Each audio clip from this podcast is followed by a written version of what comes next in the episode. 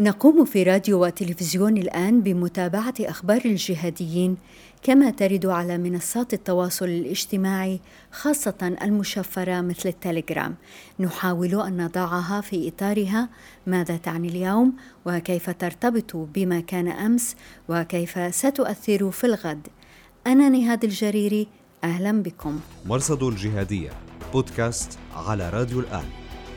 في المرصد لهذا الأسبوع لأول مرة داعش يكشف عن حرب مع القاعدة في غرب إفريقيا بدأت الشهر الماضي في إطار حملة تكفيرية ضد القاعدة.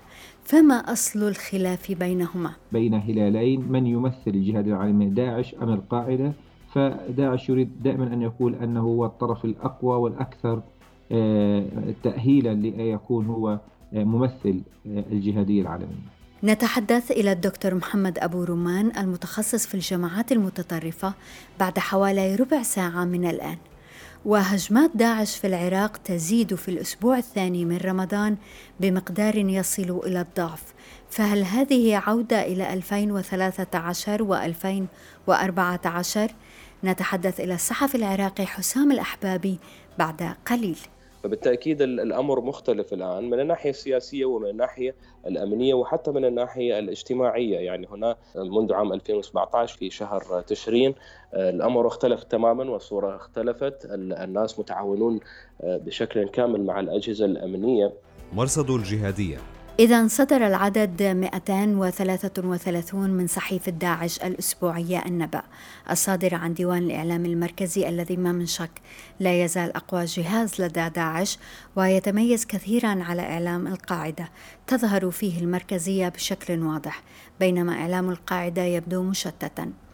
في هذا العدد سجلت حصيلة هجمات التنظيم للأسبوع الثاني من رمضان أعلى رقم حتى الآن منذ نصف عام زيادة بمقدار الضعف تقريبا. من هذه الهجمات تفجير برجين لنقل الكهرباء إلى بغداد وتفجير أنبوب لنقل النفط الخام جنوب بعقوبة. وتباهى التنظيم في تعليقه على هذه الهجمات بما قاله محللون وسياسيون خلال الأيام الماضية. فأشار إلى التصريحات التي شبهت الوضع الحالي بالأيام التي سبقت تمدد التنظيم في 2013 و 2014 وأشار إلى طلب سياسيين عراقيين الدعم من التحالف الدولي فهل هذه الأيام تشبه فترة ما قبل سقوط الموصل مثلا؟ تحدثت إلى الصحفي العراقي حسام الأحبابي الحقيقة لا أعتقد أن الظروف اللي اللي سبقت احتلال داعش مدن عراقية كبرى سنة 2014 هي نفس الظروف التي تتزامن اليوم مع محاولة التنظيم الإرهابي العودة إلى بعض المناطق العراقية لا سيما في الجهتين الغربية والشمالية من من العراق. كما تعلمون الظروف اللي التي سادت الأجواء قبل سنة 2014 كانت معقدة إلى درجة ما حيث كان العراقيون لا سيما في مناطق أو مدن الموصل والأنبار وصلاح الدين وكركوك وحتى مناطق ما تعرف باسم حزام بغداد خاصة من جهة العاصمة الشمالية والجنوبية والغربية. كان العراقيون هناك يعانون من سياسات طائفية تنفذها أطراف أو أجهزة أمنية في ذلك الوقت. بدعم من جهات سياسية داخل العراق وخارجه. فضلا عن يعني الاعتقالات العشوائية والأتاوات التي تعرض إليها التجار وأصحاب المحال التجارية من قبل بعض يعني العناصر الأمنية خاصة في مدينة الموصل. الأمر الذي أفقد المواطن ثقته بقوات الأمنية في ذلك الوقت إلى جانب ضعف الأمن على الحدود وشح المعلومات الاستخباراتية في في ذلك ال ال يعني في في في السنة التي سبقت احتلال داعش للموصل ومدن عراقية أخرى في 2014 حتى كانت القوات العراقية ليست مجهزة ومدربة بشكل كامل أو بالإمكانية التي تؤهلها لتأمين الحدود العراقية لا سيما المناطق الشمالية والشمالية الغربية الحدودية مع مع سوريا. هلأ أستاذ حسام نفهم من حضرتك إنه الوضع اليوم غير عن الوضع آه، ب 2013 2014 وبيتعلق بالناحية الأمنية لكن هل هل الآن القوات العراقية مدربة؟ هل الآن القوات الوضع الأمني وحتى الوضع السياسي مختلف كثيرا عما كان بحيث إنه لا نخشى اليوم من إنه داعش ترجع وتحتل آه، ولو قرى؟ لا أعتقد في ذلك، كما تعلمون الظروف اللي سادت آه، قبل 2014 آه، يعني لا أقول بشكل كامل ولكن بنسبة 80% هي تختلف عن الظروف الحالية. وكان هنالك عنصران كبيران يعني العنصر المحلي الذي يريد في العراق الذي يريد التخلص من من هذا التنظيم الإرهابي والعنصر الدولي الذي أيضا يريد التخلص من من هذا التنظيم الذي الذي أخطره وهدده في مناطق عدة من من دول العالم. فبالتأكيد الأمر مختلف الآن من الناحية السياسية ومن الناحية الأمنية وحتى من الناحية الاجتماعية. يعني هنا اليوم ما بعد 2000 و14 أو أو في عام منذ عام 2017 يوم يعني في شهر تشرين الأمر اختلف تماما والصورة اختلفت. الناس متعاونون بشكل كامل مع الأجهزة الأمنية على الرغم من من وجود بعض الانتقادات التي التي تؤشر تؤشر على عمل بعض الأجهزة الأمنية من ناحية الاستعداد والعدة والعدد. آه، على على على الأرض يعني آه، آه، في المناطق التي التي شهدت استقرارا أمنيا استغلها داعش استغل التراخي لدى بعض الأجهزة الأمنية. أعتقد أنه انخفاض التعاون والتنسيق ما بين القوات العراقية وقوات التحالف الدولي التي غادر أغلبها بسبب وباء كورونا عائدين إلى بلدانهم. فضلا عن مغادرة القوات الأمريكية قواعد عراقية مهمة كان لها الدور الرئيس في آه، محاربة تنظيم داعش وهي آه، قاعدة كيوان في في كركوك وقاعدتا القائم والحبانية في الأنبار غربي العراق. طبعا هذا الأمر تسبب بانخفاض الدعم والمراقبة الجوية لتحركات داعش في العراق استغلها في في نشر مسلحيه معتمدا على أسلوب مثل ما قلنا الذئاب المنفردة والخلايا النائمة التي تنطلق من صحراء حقيقة شاسعة. لا يمكن السيطرة عليها من خلال الاعتماد على العنصر البشري آه، إلا بدعم جوي. آه، أيضا كان هنالك معلومات استخباراتية أشارت إلى تسلل نحو ألف ألف عنصر مسلح من من تنظيم داعش الإرهابي من مناطق شمال شرقي سوريا إلى مناطق جنوب إلى مناطق غرب الموصل وحتى جنوب غربيها. ويعني تسللوا وانتقلوا عبر الصحراء هذه الممتدة أيضا إلى مناطق وجبال حمرين. هذه المنطقة منطقة جبال حمرين كما تعلمون حتى الآن ليست مؤمنة بشكل كامل وهي منطقة استراتيجية تقع ما بين ثلاث مدن عراقية هي كركوك وديالى وصلاح الدين امتدادا إلى منطقة الشرقات ومنها إلى الموصل. فلذلك هذه المنطقة جدا مهمة. شكرا جزيلا لكل هاي المعطيات آه ولكل هذا الشرح الأستاذ حسام الأحباب المختص بالشأن العراقي الصحفي العراقي. شكرا جزيلا. شكرا جزيلا لكم ونلتقيكم إن شاء الله في لقاءات أخرى. مرصد الجهادية بودكاست على راديو الآن. سنستكمل الأخبار من صحيفة النبأ لأن فيها إشارات مهمة هذا الأسبوع ولكن أولا أخبار سريعة.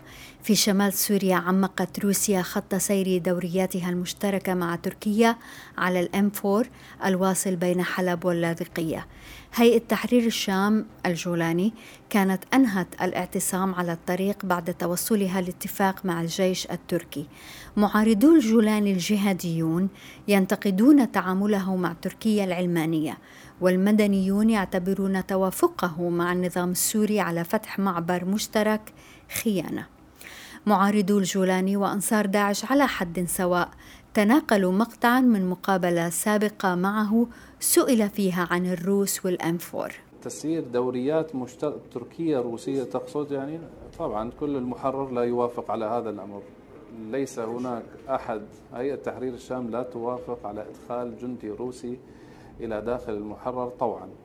إذا أراد أن يدخل بالطريقة العسكرية فننال شرف صد محاولة دخوله في أخبار بوكو حرام قال بولاما بوكارتي الباحث النيجيري إنه شاهد فيديو بثته الجماعة فيه إسقاط مروحية ونحر جندي تشادي. الفيديو بحسب بوكارتي مؤرخ بتاريخ رمضان الحالي من دون الإشارة إلى يوم محدد. أعلن جيش موزمبيق استعادة السيطرة على كيسانغا في كابو دلغادو شمال البلاد وطرد داعش منها وقال إنه قتل 129 مسلحا. آخر مرة ذكرت الموزمبيق في قناة داعش الرسمية أعماق كانت في العشرين من أبريل الماضي.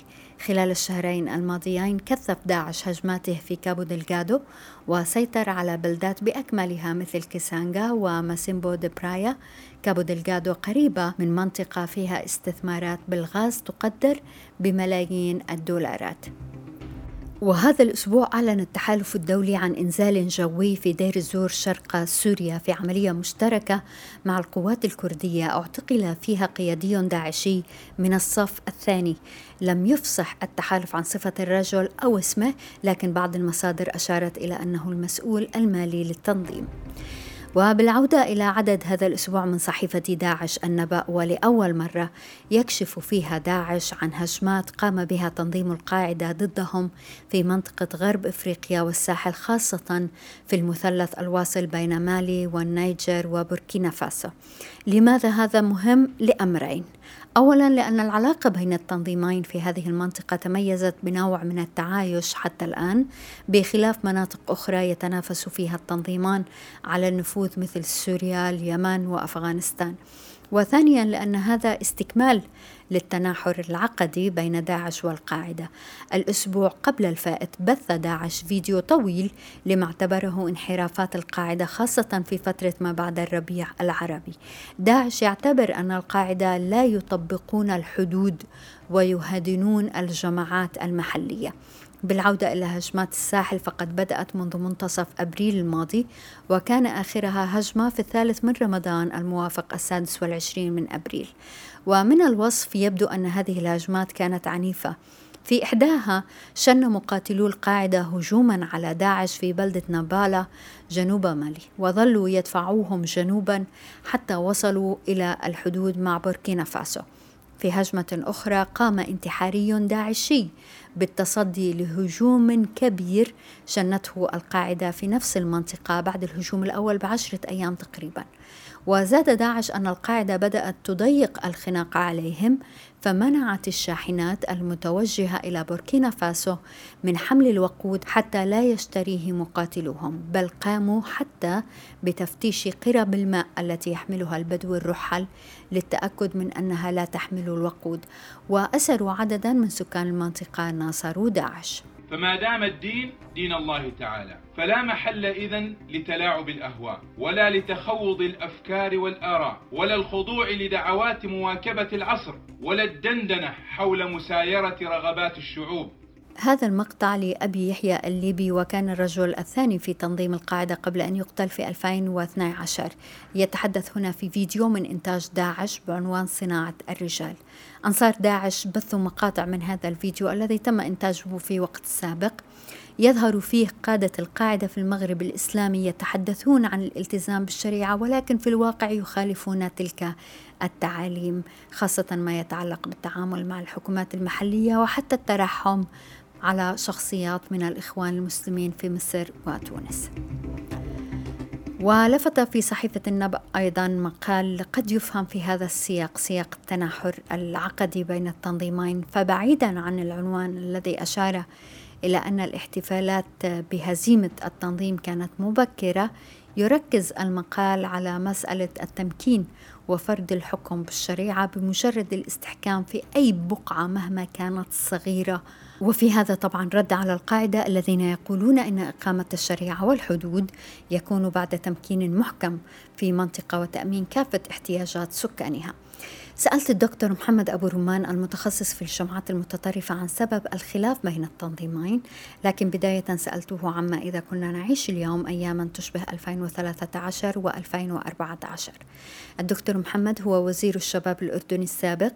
له مؤلفات مهمة في السلفية الجهادية مثل السلفيون والربيع العربي سؤال الدين والديمقراطية في السياسة العربية الإسلاميون والدين والثورة في سوريا كتاب أنا سلفي بحث في الهوية الواقعية والمتخيلة لدى المسلمين كما شارك في تأليف كتاب تنظيم الدولة الإسلامية الأزمة السنية والصراع على الجهادية العالمية. شكرا جزيلا دكتور لوجودك معنا في مرصد الجهادية ورمضان كريم. يا هلا يا هلا نهاد. إذا هل نعيش اليوم نفس الظروف التي سبقت تمدد داعش الهائل في 2014-2013؟ في شيء واحد بس هو تراجع الجهود الدولية والإقليمية والمحلية آه، وانشغالها. لكن آه، في كثير من الظروف اللي استفاد منها التنظيم في تلك المرحلة غير متوافر أبرز هذه الظروف قدرة التنظيم الأيديولوجية على الحشد والتعبئة واجتذاب مثلا السنة في آه، العراق وسوريا تحت شعار منظومية السنة وتحت شعار بناء دولة سنية في مواجهة النفوذ الإيراني وفي مواجهة النظام السوري الذي هو بأيديولوجيا التنظيم نظام غير سني. آه، مثل هذه الأمور استقطبت أعداد كبيرة من السنة الذين يبحثون عن هويتهم السنية في إطار خوف كبير ومرعب من التمدد الكبير للنفوذ الإيراني وبين هلالين الشيعي في أدبيات هذا التنظيم. فبالتالي كان الجانب الهوياتي جانب مهم جدا. بنى عليه التنظيم في تلك المرحلة قدرته على آه، استقطاب والتجنيد بشكل كبير. الجانب الآخر الذي سهل على التنظيم الوصول إلى السيطرة على مدن وعلى محافظات وبشكل سريع وانهيارات آه، كبيرة حدثت في تلك المرحلة آه، العنصر الصدمة والمفاجأة التي اعتمدها التنظيم من خلال آه، تغليب وتكثيف الجانب الدموي في أعماله وتكتيكاته.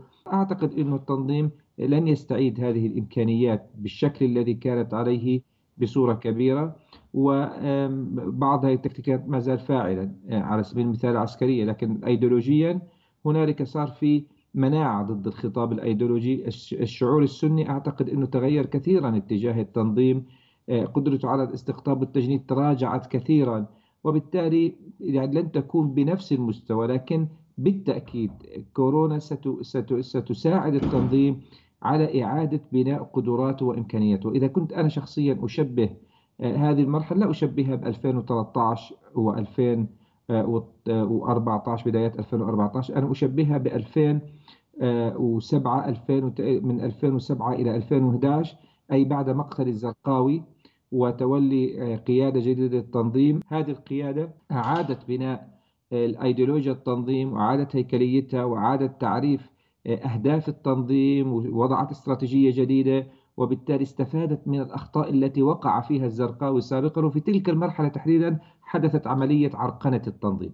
لذلك أنا بتقديري آه، إذا التنظيم آه، اكتفى فقط بالعمليات العسكرية فلن يكون آه، بهذه القوة المرعبة. ستكون عمليات خطيرة ستؤدي إلى نتائج لكن لن تغير واقع المعادلة السياسية والأمنية بشكل جذري.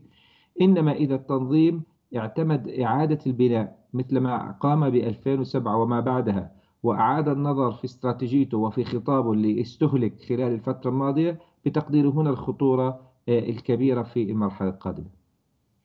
وهون كمان شفنا بنفس الوقت دكتور عم بنلاحظ إنه آه، بالأسابيع الأخيرة كأنه في حملة عم بيشنها داعش ضد القاعدة من ناحية أيديولوجية تحديدا من ناحية مسألة التمكين وإنه القاعدة لا تطبق الشريعة.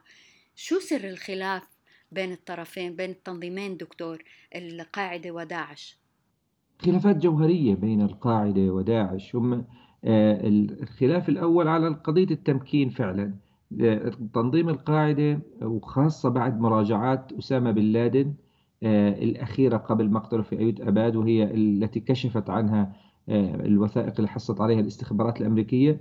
القاعدة يراجع بشكل جوهري وكبير فكرة إقامة الدولة الإسلامية ويكتفي بما يسمى بالأدبيات الجهادية بشوكة النكاية. وبالمطاولة العدو ولكنه يترك مسألة إقامة الدولة الموعودة بالنسبة لهم إلى أهل تلك الدولة إلى الظروف إلى حيثيات أخرى مع تأكيده طبعا على جزئية تطبيق الشريعة ضمن منظومته الأيديولوجية. لكنه لا يسعى إلى إقامة دولة إسلامية يكتفي بهدف واضح وهو المطاولة والصراع مع القوى الدولية والإقليمية وإلى آخره. لأن التنظيم القاعدة أدرك مبكرا بأنه إقامة الدولة مسألة بحاجة إلى إمكانيات آه، استراتيجية ولوجستية وفنية وإدارية وهي ليست من اختصاص هذه التنظيمات. الداعش على النقيض من ذلك سواء من خلال ما كان يفكر فيه زرقاوي وكان قد أقام هو خلال مرحلته دولة العراق الإسلامية أو خلفاء الزرقاوي لاحقا إقامة الدولة جزء رئيسي من من بنيته وتكويره وهذا ارتبط أيضا بالأزمة السنية في العراق وسوريا لأنه السنة يريدون أو يبحثون عن دولة في تلك المرحلة وبالتالي لا تصلح أيديولوجيا القاعدة للتطبيق في العراق وسوريا.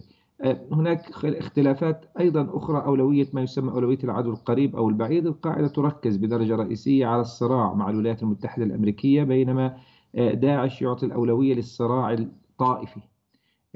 مع الإيران لأنه ارتبط فيها بالعراق سوريا صعود التنظيم أو الصراعات الداخلية مع يعني الحكومات القائمة كما يحدث في ليبيا في سيناء وفي اليمن بدرجة رئيسية. فالخلاف كبير جوهري بدأت الصراع الإعلامي والسياسي والفكري مبكرا ما بين العدناني الناطق السابق باسم تنظيم داعش والذي أرسل رسائل عديدة يتهم فيها الظواهري نفسه زعيم تنظيم القاعدة والجولاني وكان هنالك جدل كبير وسجال كبير بين الطرفين واتهام واضح من داعش للقاعدة في العديد من الموضوعات عادت هذه المسألة الآن على أكثر من صعيد الصعيد الأول طبعا في أفغانستان لأنه طالبان حليفة تنظيم القاعدة قامت بتوقيع اتفاقية مع الولايات المتحدة الأمريكية ومع آه، آه، الحكومة الأفغانية وبالتالي القاعدة الآن تم عملية تجميدها في أفغانستان. هذا لصالح خطاب داعش الذي استثمر في ذلك وبدأ يعني يعزز من خطابه لمحاولة استقطاب المنشقين والأعداد الكبيرة. القاعدة في اليمن تعاني من أزمة كبيرة بعد مقتل الريمي وتولي البطريفي وبالتالي وهناك اختراقات كبيرة للقاعدة في اليمن يستثمرها تنظيم داعش اللي هو كان أصلا جزء من قاعدة اليمن ثم انشق عنها في مرحلة لاحقة. وهكذا في كل المناطق هنالك محاولة للسيطرة والهيمنة على آه، ما يسمى الجهادية العالمية بين هلالين من يمثل الجهاد العالمي داعش أم القاعدة. فداعش يريد دائما أن يقول أنه هو الطرف الأقوى والأكثر آه، تأهيلا ليكون هو آه، ممثل الجهادية العالمية. لاحظنا كمان دكتور يعني امبارح مثلا طلع بالنبأ آه، لأول مرة الحديث عن هجمات بتشنها القاعدة في غرب إفريقيا والساحل ضد بين قوسين ولاية إفريقيا الداعشية وهذا كلام لأول مرة لأنه كانت تتميز هاي المنطقة بالتعايش إجمالا نوعا ما بين الجماعتين. فبتحس إنه الموضوع في هاي الأيديولوجية عم خلص يعني عم بيوصل الخطوط الحمراء تكسير العظم. برأيك لأي درجة ممكن ينجح داعش آه، باستقطاب المنشقين أو القاعديين اللي بلشوا فعلا يشككوا بتوجه القاعدة. يعني أنا بتقديري مسألة مهمة لازم دائما ندركها عندما نتحدث عن القاعدة وداعش أن هنالك متغير مهم آه، وكبير ورئيسي ومؤثر وهو الظروف المحيطة. بمعنى أنه آه، التطورات التي تحدث هي التي تعزز هذا الطرف أو ذاك الطرف تضعف هذا الطرف أو تقوي هذا الطرف. وبالتالي العامل الأيديولوجي سواء أيديولوجيا داعش أو أيديولوجيا القاعدة تكون آه، انعكاس لمثل هذه التحولات والتطورات. بلا شك القاعدة بتمر بمرحلة آه، صعبة جدا مرحلة تخلي حليفها طالبان بشكل غير مباشر وغير رسمي عنها أو على الأقل بداية هذا التخلي. هنالك أيضا آه، نقطة ضعف كبيرة في واقع القاعدة اللي هي جبهة النصرة. جبهة النصرة التي كانت جزء من تجل إنجازات ما يسمى مرحلة ما بعد المراجعات واستقلت ونفذت طبقت الأفكار التي كان آه، يقوم بها أو يفكر بها أسامة بن لادن قبل مقتله وقامت بتحويل كبير في الجانب الأيديولوجي. لكن جبهة النصرة نفسها انشقت عن القاعدة. والجولاني آه، دخل في صدام مع الظواهري وبالتالي هنالك أزمة أيديولوجية وأزمة واقعية لتنظيم القاعدة. يريد تنظيم داعش استثمارها لكن هذا لا ينفي أن تنظيم داعش نفسه أيضا دخل في أزمات ودخل ووصل إلى مرحلة فشل كبير في العديد من الجوانب. الفرق آه، على أكثر من صعيد أنه داعش يركز كثيرا على الجانب البروباغندا على جانب الدعاية. ويركز كثيرا على القاعدة في محاولة لإضعاف وتقوية نفوذه. هذا ليس هاجس رئيسي لدى القاعدة آه، إعلاميا وأيديولوجيا بنفس قدر داعش.